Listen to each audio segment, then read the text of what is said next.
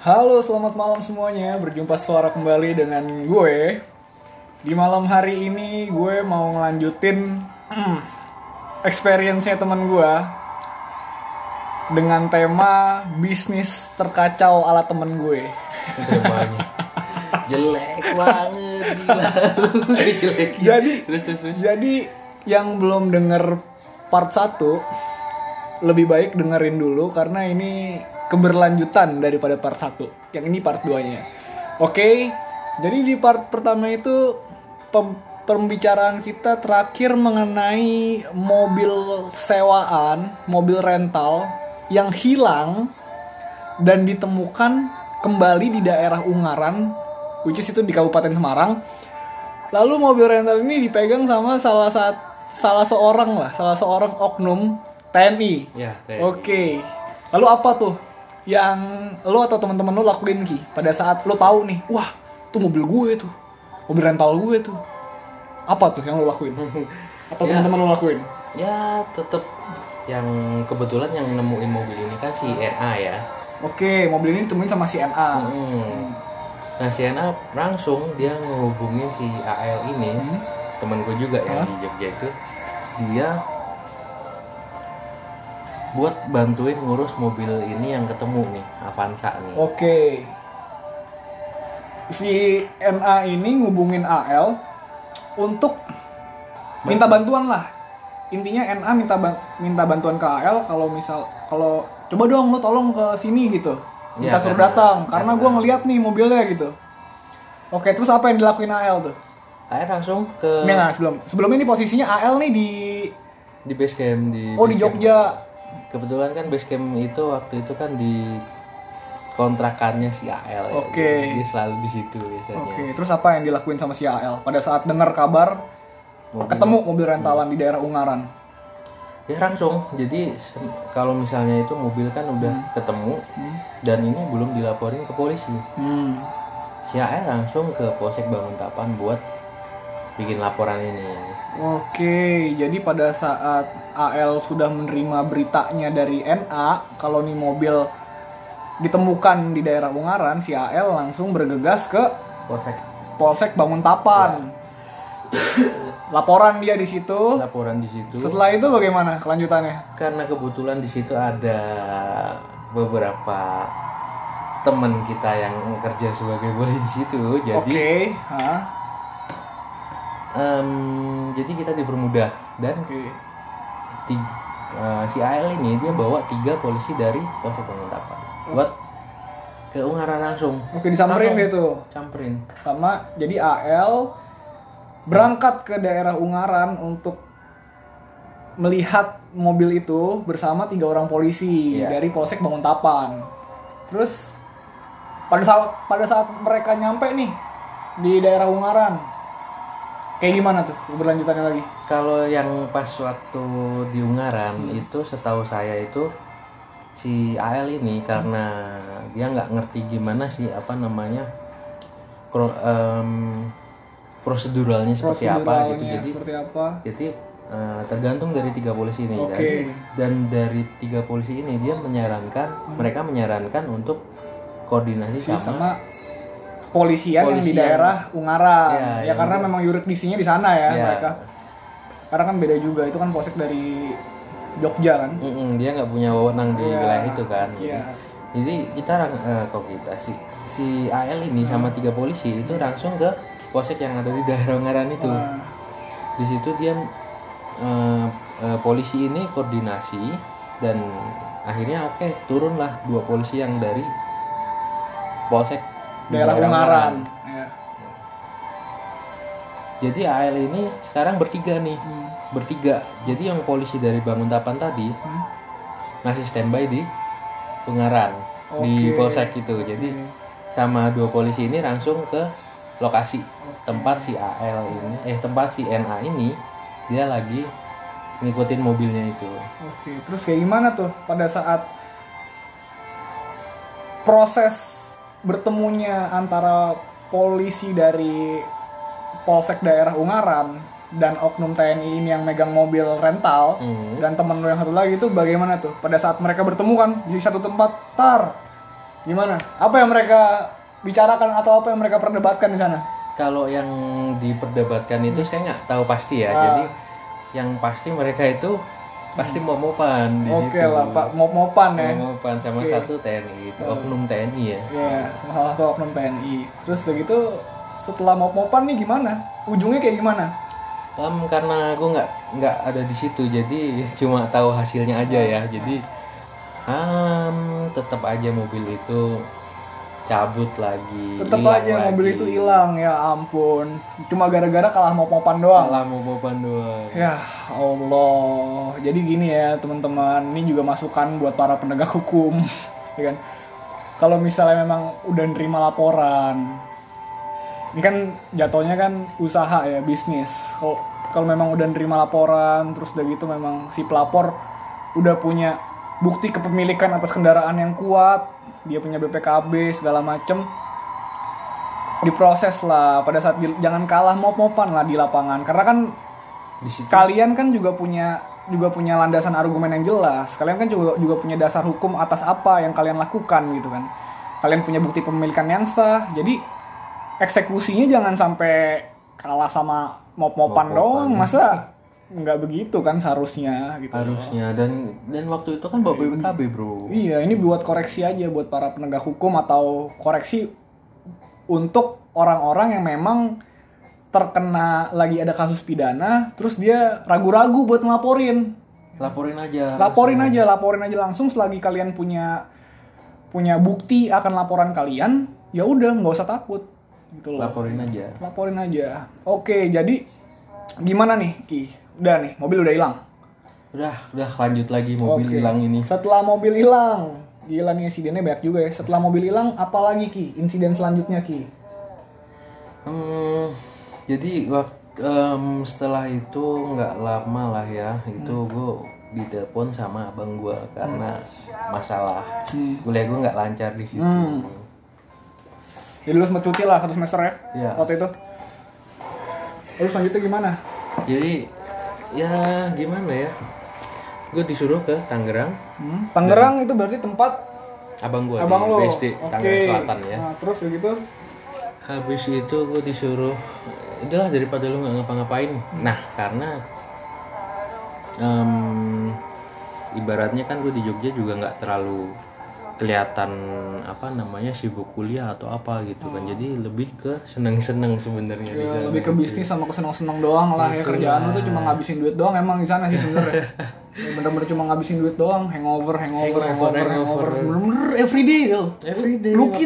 Luki nih dulu nih kacau. Ya teman-teman ya, nggak boleh dicontoh, terutama buat para para pendengar-pendengar yang masih kuliah atau segala macam ya kan. Jangan nggak boleh patut nggak boleh dicontoh Lucky karena pada zamannya dia kuliah itu di Jogja itu bener-bener setiap hari hangover. Setiap hari hangover. Ya. Setiap hari lu tuh dulu tuh ngabisin duit tuh berapa kali sehari? Aduh nggak ngerti, nggak ngerti deh. Dan itu setiap hari loh.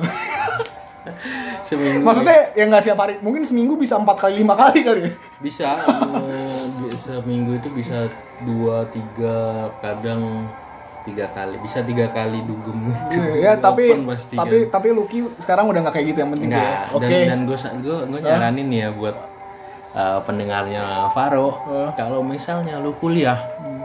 dan lu juga belum terlalu yakin lu tuh bisa nggak buat jaga waktu lu buat kuliah Hmm. sama buat usaha Iya. Dan buat senang-senangnya juga. Jadi ada buat entertain, buat Eh. bisnis, buat kuliah kuliah. Jadi kan nggak nggak kalau bertindihan semuanya. Mm, Ini termasuk buat yang kerja juga, laki. Karena kan yang dengerin yang dengerin juga banyak juga yang kerja ki. Gak cuma kuliah doang. Oh nggak cuma kuliah kerja ya. ya gitulah. Jadi pokoknya kalau misalnya lu kuliah seben, se- saran gue itu lanjutin kuliah lu fokus ke kuliah lu selesaikan kuliah lu. Jangan bikin orang tua lu itu Kepikiran lah, kecewa. Kecewa lah. Oke, jadinya selesai kasus insiden Ungaran.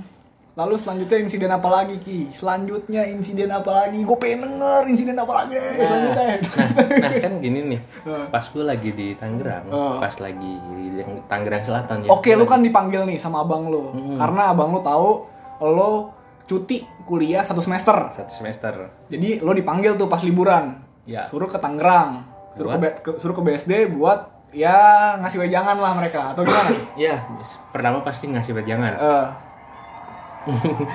dimarahin apa segala macam ya sudah lah ya emang itu itu hasil yang kita dapat selama ini kan dan karena kita juga salah juga Iya, kan iya. terus lu masih ingat nggak waktu itu kan kita baru pertama kali ketemu bro oh iya. Waktu itu kita ketemu tahun 2017. 17 Oke. Jadi waktu itu memang Lucky lagi ngisi waktu liburan kuliahnya dia sambil dia kerja di kantor punya abang lo kan Ya. di BSD. SD Oke setelah itu Ki, pada saat lo udah dikasih wejangan sama bokap lo, sama abang lo, soal masalah kuliah lo kan dan Iya. lain-lain. Terus lo gimana tuh? Ada kabar apa lagi tuh dari bisnis lo yang di Jogja tuh? Hmm, oh gini jadi ada yang kelupaan nih jadi Ah. sebelum gue ke Tangerang Selatan Oke, jadi ini agak agak agak flashback sedikit ya. Ada, ya. Oke, Jadi- jadi, sebelumnya sebelum Loki ke Tangerang Selatan, kayak gimana Ki? Nah, gue gue em, ah kayaknya gue nggak terlalu belum terlalu penting nih ya mobil ya. ah. Jadi mobil yang pribadi itu gue titipan. Ada satu lagi nih teman gue, sahabat gue SMA dulu. Jadi jadi mobil pribadi lo ya, Ya. bukan mobil rentalan ya. Bukan, bukan. Mobil pribadi lo lo titipin. Titipin. gue gue mobil ini yang pribadi ini gue titipin ke sahabat gue yang wak sahabat gue SMA. Hmm. Yang waktu itu juga kita kan masih sering inilah ya di Yang Jogja masih kan. sering silaturahmi lah. Silaturahmi datang gitu kan terus mm, gue titip bro gue titip mobil dong gue mau ke Tangerang dulu." Inisialnya apa nih? inisialnya itu AD Oke, jadi lo sebelum lo berangkat ke Tangerang, nah daripada nih mobil mobil pribadi lo ya, bukan mobil rentalan ya, mobil daripada mobil pribadi lo nggak ada yang ngurus, nggak ada yang jagain juga di rumah, akhirnya lo titip ke si AD ini si temen lo yang inisialnya Ade ini, Iya. karena kan di rumah lo memang gak ada orang kan, gak ada gak ada Iya, orang emang gak ada orang sama sekali, jadi lo titip lah nih mobil pribadi lo ke si Ade AD. ini. dan nggak mungkin juga gue bawa ke Tangerang juga kan Iya, repot juga kan repot. Iya, udah gitu mobil lu boros waktu itu. Terus udah gitu, jadi gimana? Setelah lu titipin mobil pribadi lu ke kendaraan pribadi lu ke Ade, Em, setelah beberapa lama itu gue punya pikiran ah ini mobil dijual aja nih gue lagi butuh uang juga waktu itu bro. Ya gimana gue kan nggak nggak terlalu fokus ke rentalan. Jadi kan duit yang gue dapet kan nggak nggak so full pas lagi gue lagi di rentalan kan gitu. Hmm. jadi ah sudahlah jual aja. Gue langsung ngubungin ke yang namanya NA ini. Bro gue mau jual mobil yang mobil gue nam, eh, Mitsubishi Galant waktu itu tahun 99 hiu ya keren ya beli lagi ntar. ntar ya beli lagi. Terus gitu. Nah, gue minta tolong ke NA ini bisa nggak lu ngejualin mobil ini nanti bisa lah dapat persenan pasti kan. Hmm. Oke bisa. Mobilnya di mana? Ada gue titipin di temen gue namanya Ade. Hmm. Oke, gitu deh. Nah, itu kan baru informasi yang yang masih umum ya. Jadi ibaratnya masih belum. Lu belum nyuruh dia eksekusi lah. Belum. Lu baru sekedar menyampaikan dong bahwa itu mobil kayaknya mau lu jual. Mau dijual. ya. Tapi lu belum nyuruh si NA ini untuk ngambil tuh barang, ngambil tuh mobil di tempatnya si Ade. Iya, belum. Oke, terus Eh, jadi pas waktu itu gue baru bilang ke NA ini buat ngejualin mobil gua tapi kan gue masih belum ngomong kalau misalnya mobil itu udahlah lu lu bawa aja dulu lu urus gitu kan.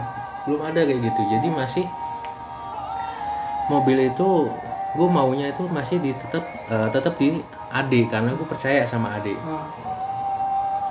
si Ade ini dia itu em, sebenarnya dia menjaga kepercayaan banget ke gua masalah megang mobil ini. Setelah itu setelah beberapa lama si NA sama kakaknya si A itu dia datang ke tempatnya si Ade buat ngambil mobil tanpa persetujuan gua Oke, berarti si NA ini ngambil mobil yang lo titipin, ngambil mobil pribadi lo yang lo titipin di AD tanpa sepengetahuan lo, tanpa izin sama lo. Iya. Jadi dia main datang, main Main ambil aja itu barang. Oke, terus dan di situ ada sedikit cekcok sepertinya ya jadi antara AD dan NA. eh, antara Ade dan NA sama kakaknya ini Oke. Oh, jadi si NA ini datang ke tempatnya AD buat ngambil mobil itu sama berdua ya. kakaknya. Hmm. Oke. Terus di situ gue juga paham kenapa Ade dia nggak nggak ngubungin gue langsung itu mungkin karena chat yang gue kirimin ke NA itu bro tolong jualin mobil gue dan itu di ditanggepin sama si Ade ini kalau misalnya oh berarti si Lucky ini dia nggak konfirmasi dulu ke gue buat ini loh mobilnya itu sebenarnya udah boleh dikasihkan ke NA gitu. Makanya di situ ada miskomunikasi.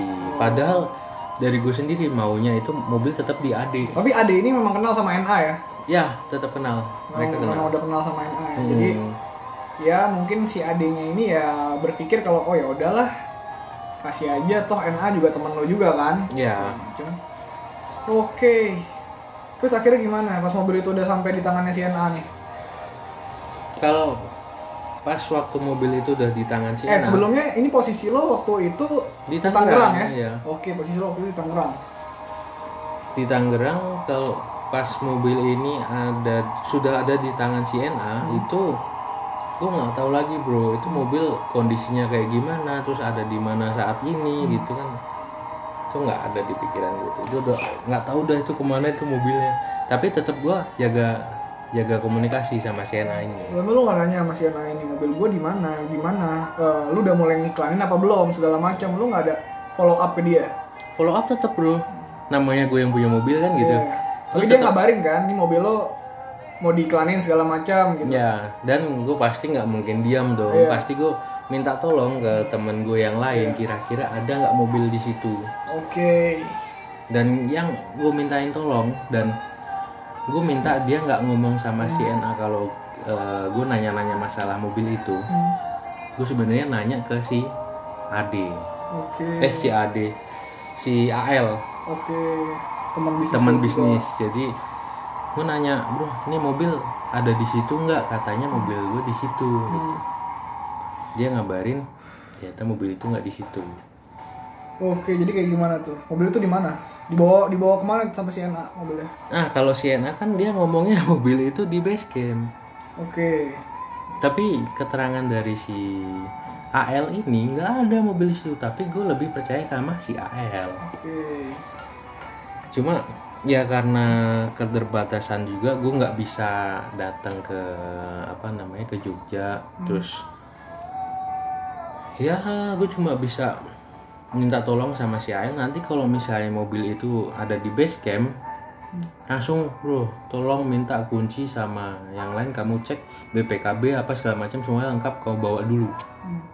Tapi mobil itu nggak datang-datang ke base camp Oke. Jadi- Akhirnya lu tahu akhirnya lu tahu ke mana tuh mobil pergi nah dan taunya dari mana? Nah, gini.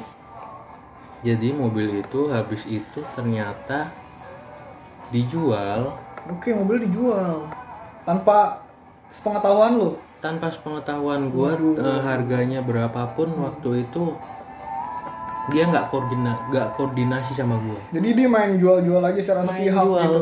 sepihak. kacau nggak boleh begitu dong, bro. Terus gitu. Aduh. Kacau. Jadi gua maunya mobil itu tuh dijual minimal 60 juta. Gila itu banding harga loh. Buset, Galan, kondisi seperti itu galan 99 kalau misalnya kondisinya masih bagus, itu bisa cepet, Bro. bisa dan it- ya Itu lu banding harga banget 60 itu enggak enggak kemurahan lu jual gila. Ya karena gue lagi BU juga kan, Nah, jadi terus? em, mobil kondisinya gue gue kalau ngerawat mobil kan ya pasti sedik ada sedikit yang rasa kurang enak pasti langsung gue Ya, langsung benerin. perbaikin. Ya karena memang waktu itu duit pasti Emang lagi hobi juga. hobi juga Terus udah gitu, kan. Setelah lo tahu nih mobil dijual sama si NA dengan cara sepihak, apa yang lo lakuin?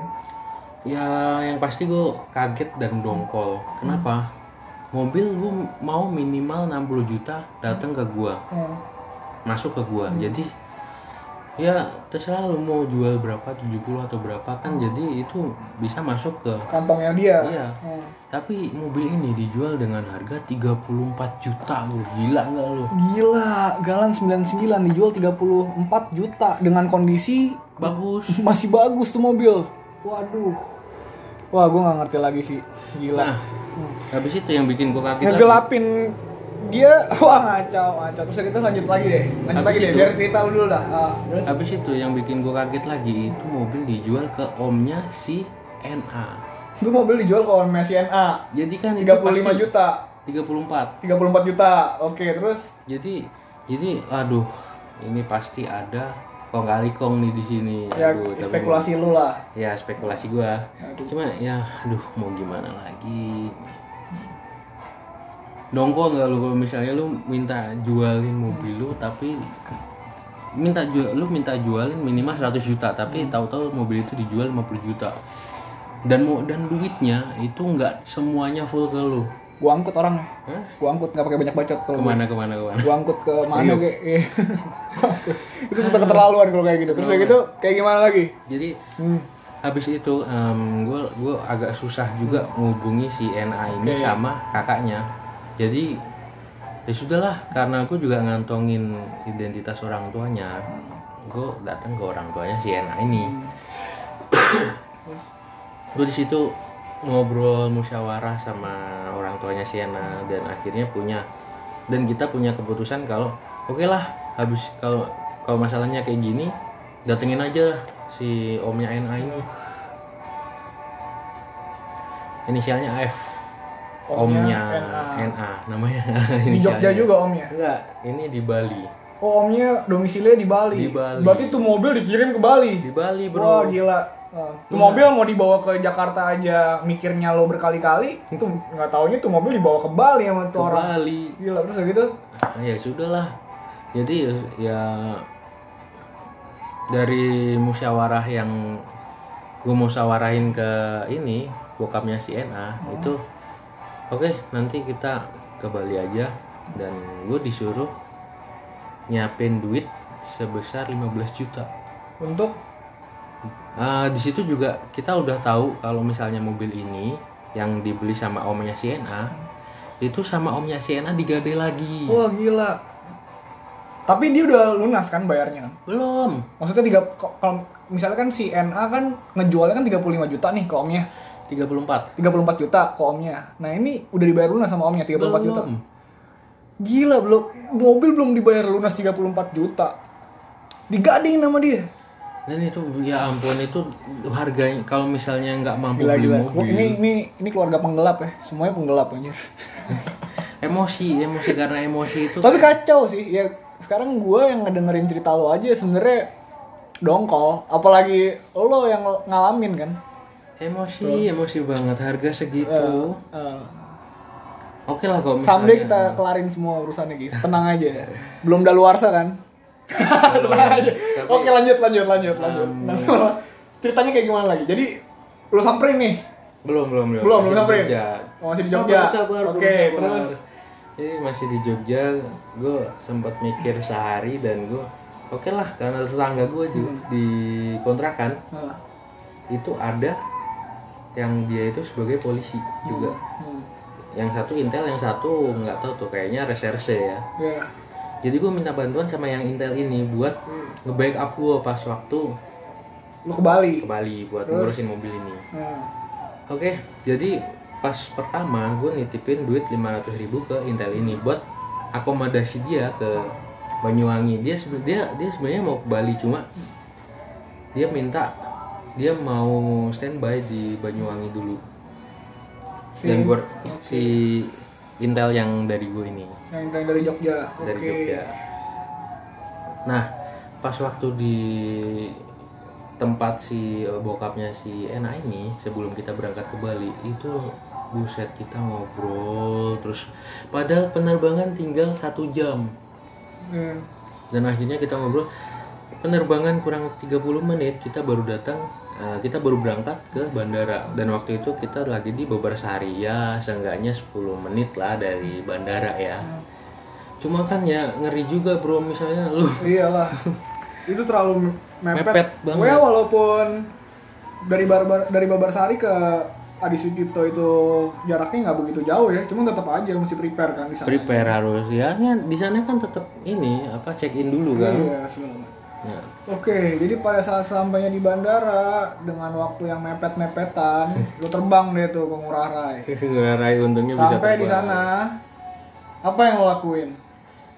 ya yang pasti langsung ke datang langsung datang ke rumahnya omnya Sienna ini Oke, jadi pada saat lo sesampainya di bandara di Bali, langsung lo samperin. Maksudnya langsung lo datangin tuh ke kediamannya si omnya, Sienna. NA. Dan nyampe Di, situ di daerah mana tuh? itu di jalan Tukat Bakrisan Tukat dia Pakrisan. di arah GWK kalau dari Arah bandara GWK, waduh jauh juga berarti dari Ngurah Rai itu ke arah Pandawa ya? arah Mandawa cuma nggak ya nggak terlalu lah ya. Oke, jadi pada saat lu samperin ke kediamannya omnya NA sama orang tuanya NA ya, Mm. segala macem ketemu sama omnya apa gimana? ya kita harus nunggu sampai sore karena waktu itu kita ada nyampe di apa namanya di Bali itu kita siang kita jam 11 atau jam 12 gitu kita nungguin nyampe sore kan lama bro lama banget dan gue juga rencananya kalau misalnya ini selesai gue langsung balik lagi ke Jogja Oke. nggak bawa baju apa apa gue Oke, jadi emang planning lo emang cuma sebentar doang. sebentar doang buat mobil doang. ini. Di situ ternyata itu urusannya tambah ribet Hmm. Ribetnya gimana? setahu gua di Jogja itu mobil yang digade ini Hmm. mobil gua doang digade ternyata di sana itu dua mobil dijadiin satu harga gitu Waduh. Hmm, terus itu kalau nggak salah 72 atau 75 juta itu dua mobil termasuk mobil gua satu jadi kalau misalnya mau ambil mobil satu yang satunya juga harus keluar dia sistem gadenya seperti itu. Ya. Jadi dia langsung gadein dua mobil. dua mobil Oh jadi dia minjem duit, minjem duit banyak tuh berarti. Hmm. Dia nggadein dua mobil langsung. Wah kacau. Terus udah gitu, nggadeinnya ke mana tuh? ke showroom bro Nggadeinnya ke showroom. ada di ada salah satu showroom di Jalan Gatot Subroto di Bali Lagian aneh juga ya, maksud gue goblok juga nih NA ini. Kenapa gue bilang goblok? Dia ngasih ke omnya dengan harga 35 juta itu pertama udah kegoblokan dia yang pertama tuh. Kegoblokan dia yang kedua udahlah omnya belum bayar lunas bisa digadein tuh mobil sama omnya. Berarti kan BPKB-nya udah dikasih dong ke omnya. Iya. Ya kan? Berarti BPKB tuh mobil kan udah dikasih sama omnya makanya omnya bisa ngegadein tuh mobil. Ya makanya kan itu. goblok gobloknya tuh goblok goblok kuadrat tau gak lo gobloknya dua kali. Dan pas waktu waktu di sana Oh. itu ya sudah kalau misalnya adanya seperti ini mau gimana lagi? Ya kan? Hmm. nah oke lah aku udah bawa uang yang diminta 15 juta. Hmm. terus rencananya kayak gimana nih? Di situ ada namanya Pak Gede nggak usah pakai inisial yang ini nih karena gue juga nggak terlalu kenal nggak terlalu deket ya. Iya dan juga yang namanya Pak Gede di Bali kan pasti banyak banget. banyak banget gitu ya. Terus gitu, nah habis itu Pak Gede ini dia nyaranin udah kamu ke gua. Dia ngomong ke gua udah kamu gini aja. Eh, kamu sebagai pura-pura pura-pura sebagai pembeli mobil ini di showroom oke dibuat manipulatif berarti ya. Terus udah gitu kayak gimana tuh? nah di situ yang gue bingung mobil ini Showroomnya di daerah mana? Di Gatot daerah Subroto di daerah Gatot Subroto jauh ju- jauh lagi Jauh, dong. lumayan juga ini yang gue yang gue bingung di sini mobil itu status gadai Hmm. tapi kenapa yang gue baru sadar akhir-akhir ini ya kalau dulu gue ya masih kayak gitu Hmm. Iya. sih mobil itu statusnya digade kenapa bisa dibeli sama orang? Iya makanya. dan akhirnya oke lah. Karena ini mobil sama STNK kalau pas lagi gue DP itu mobil sama STNK doang. Hmm. oke gue ambil. Tapi bro tahu nggak? Itu kondisi mobilnya parah bro mesinnya. Nggak nggak nggak kayaknya ini kalau menurut gua waktu itu ini mobil ini dibuat eh, urakan sama dia. Entah digas atau pokoknya mentok sampai bener-bener kacau gitu kan. Jadi sampai waktu itu gue lihat di bengkel itu apa ya namanya di dalam mesin itu kayak semacam ada valve. Itu bengkok semua. Valve bengkok. bengkok semua. Diapain nama dia anjir? Ini Bisa bisa bengkok valve Hah? di gaspol Di, kali digetok kali pakai palu. Kalaupun di gaspol juga nggak mungkin sampai bengkok gitu lah, Val. Emang se ringkih itu tuh mobil. baja Eh, gitu. valve baja anjir. Terus gitu. Ya, itu- Oke, jadi lo udah ngeliat kondisi mobil itu di, di showroom Hmm. di daerah Gatot Subroto. Bisa tapi lo ambil tuh mobil atau kayak gimana? Tanggapan dari pihak showroom bagaimana? Kenapa lo nggak ini aja sih Ki waktu itu seharusnya sih kalau gue jadi lo gue bakalan lapor polisi dan tuh orang karena gue udah tahu kan eh, kediamannya si om ini kan Mm-mm. Nah itu orang bakalan gue tarik lah. Bi- Biar kayak gimana gimana pun gue nggak peduli. Maksudnya gue nggak gue nggak gue nggak ngelihat NA-nya dulu ya. Karena di situ terakhir barang barang itu nyampe itu ke omnya.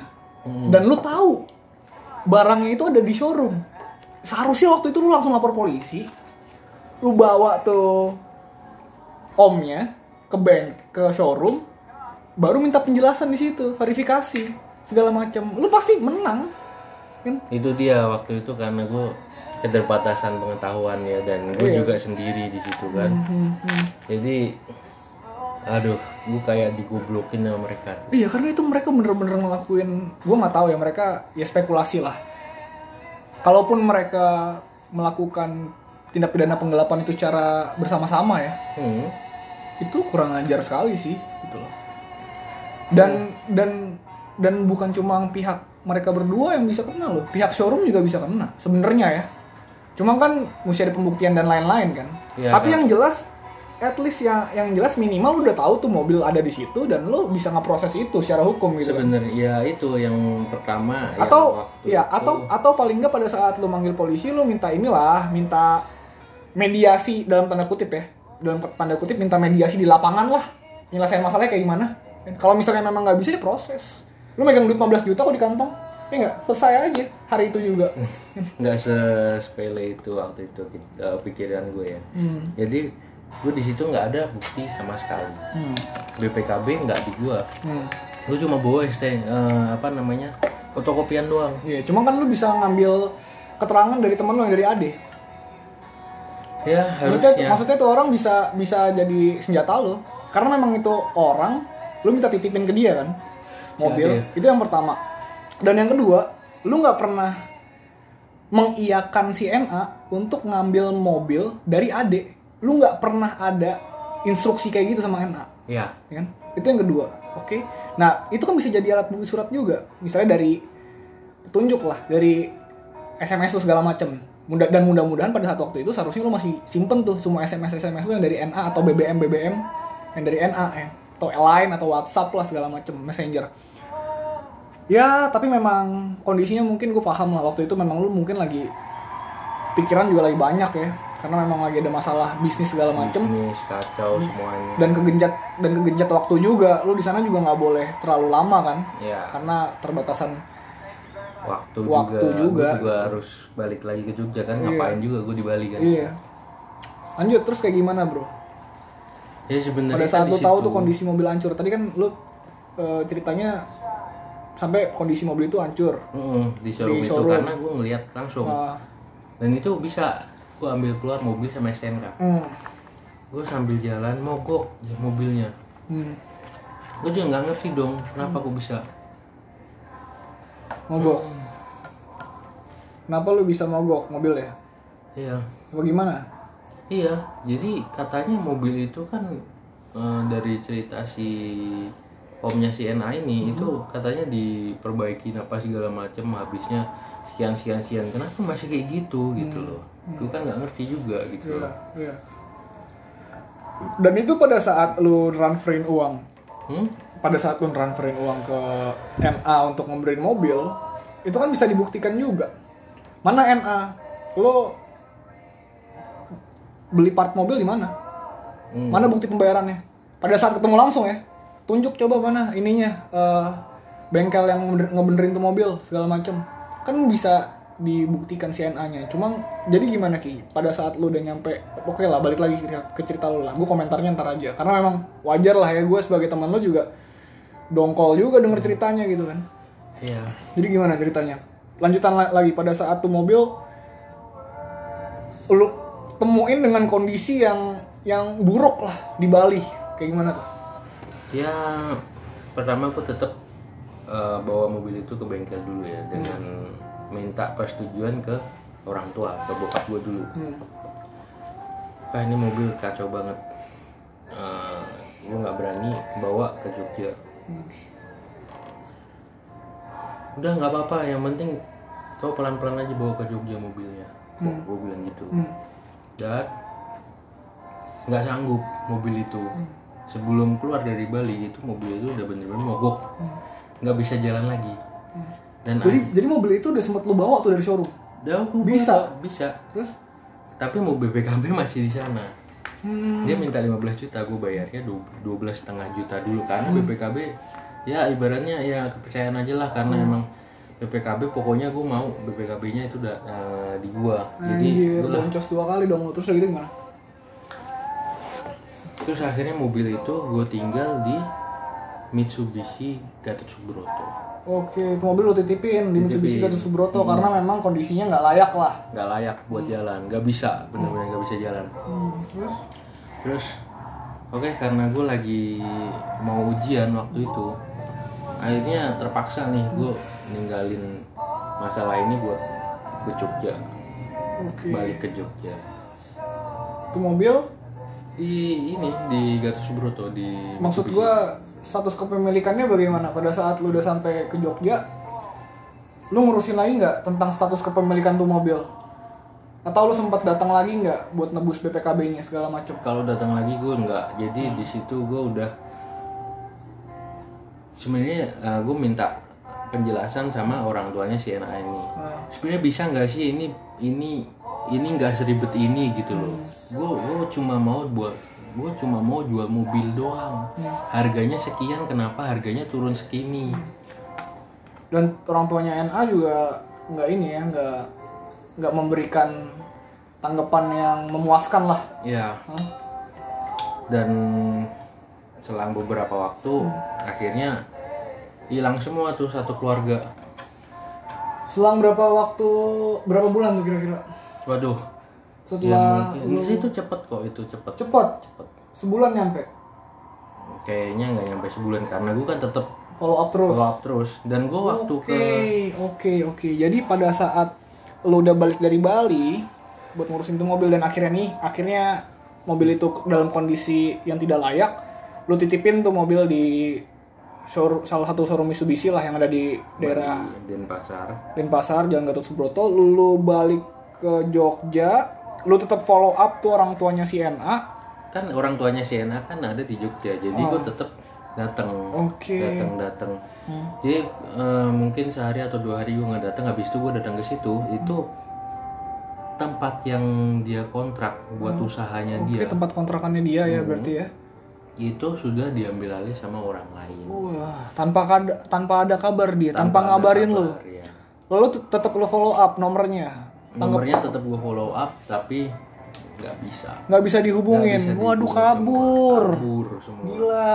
Penjahat. Oke. Sampai di situ banyak banget problem-problemnya ya Ki ya dari mulai nah lanjut lagi ke mobil ini oh, masih ada lagi lanjutannya Nah. ke mobil. mobil ini kan eh, statusnya kan di tangan gue di showroom Mitsubishi di Ya, Bali. terus kayak gimana tuh? kasir showroom Mitsubishi bengkel Bengkel Mitsubishi Mitsubishi yang yang di Bali terus. nah nan itu gue minta tolong sama yang kepala bengkelnya ini Hmm? ini buat tahan itu mobil di, di bengkel dulu aja biarin jangan ada yang bisa ngambil selain gua Oke. jadi ya oke karena memang kepala bengkel itu tahu bokap gua gitu Iya, iya, jadi iya. Bokap lu juga kerja di, di Sun Motor lah ya. kan motor Terus juga. gitu. jadi dia mau nolong gue buat mobil itu sih mungkin sampai sekarang mobil itu masih di situ Oh ya? Hmm. Kenapa nggak kita ke sana aja buat ngeliat mobilnya kalau mobil itu masih di sana? belum belum Jadi jadi eh, serius nih. Jadi jadi jadi jadi kok gue baru tahu ki kalau mobil itu masih ada di sana. Ini sumpah ya teman-teman ya. Gue baru tahu kalau mobil itu masih ada di sana, masih ada. eh, Hah? kemungkinan mobil itu masih di situ entah itu ngongrok atau apa gue nggak tahu Enggak, sumpah. Ini jadi ceritanya Lucky nih mau ceritain kayak gini nih. Sebenarnya gue udah sempet denger ceritanya Lucky, Hmm. tapi nggak clear. Cuma selebatan-selebatan aja lah ya. Hmm. Cuma sedikit-sedikit doang. Cuma pada saat ini Lucky nih hari ini nih baru nyeritain semuanya nih. Maksudnya lu baru nyeritain sampai ending kan. Dan Sampai- gue baru tahu kalau tuh mobil kemungkinan masih kemungkinan ya, kemungkinan masih ada di di showroom atas eh, apa namanya lindungan dari ini lindungan dari orang showroom lah ya. showroom. Waduh.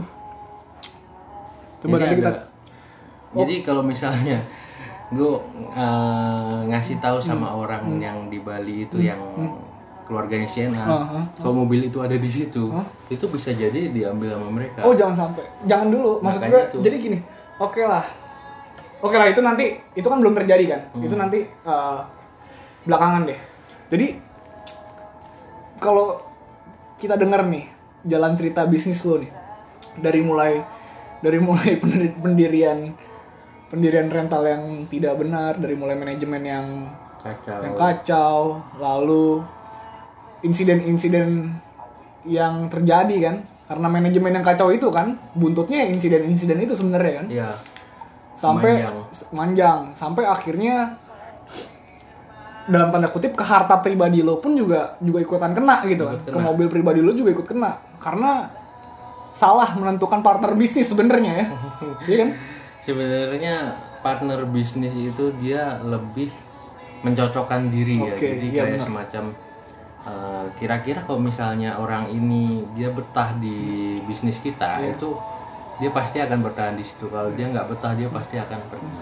Dan attitude berbisnisnya juga sih bro yang Iya. nggak gua yang minus dari partner bisnis yang seperti itu gitu kan menurut gue dia bukan pembisnis dia tidak punya attitude berbisnis bahkan dia menurut gue Pekerja dia. bukan pekerja penipu anjir Keluarga ya. iya jadi gitu. oke jadi banyak sebenarnya yang bisa kita ambil dari pelajaran dari perjalanan bisnisnya Lucky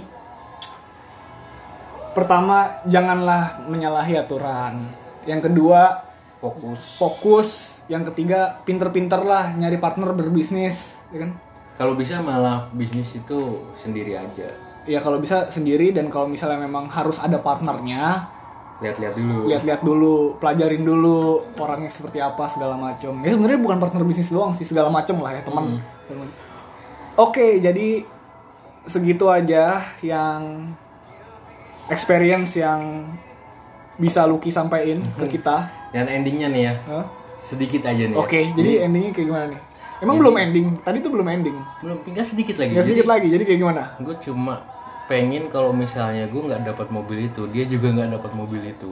oke Sudah hilang kan gitu. Oke oke oke jadi seperti itu experience-nya Lucky unek-uneknya Lucky ya termasuk unek-unek kayak gue juga sih sebenarnya karena biar bagaimanapun kan Lucky temen gue dan gue sebagai teman juga dongkol juga dengernya gitu loh jadi semoga kalian bisa ngambil pelajaran di dalam experience-nya Lucky yang bisa kita ceritain ya gitu Dan- aja Dan suatu saat kita coba ke Sun Motor Bali ya. Enggak suatu saat dalam jangka waktu dekat ini sih kita pasti konfirmasi. ya udah. Eh, salam, selamat malam. Semoga kalian tetap sehat selalu. Semoga kalian diberkahi selalu. Oke. Salam. Assalamualaikum.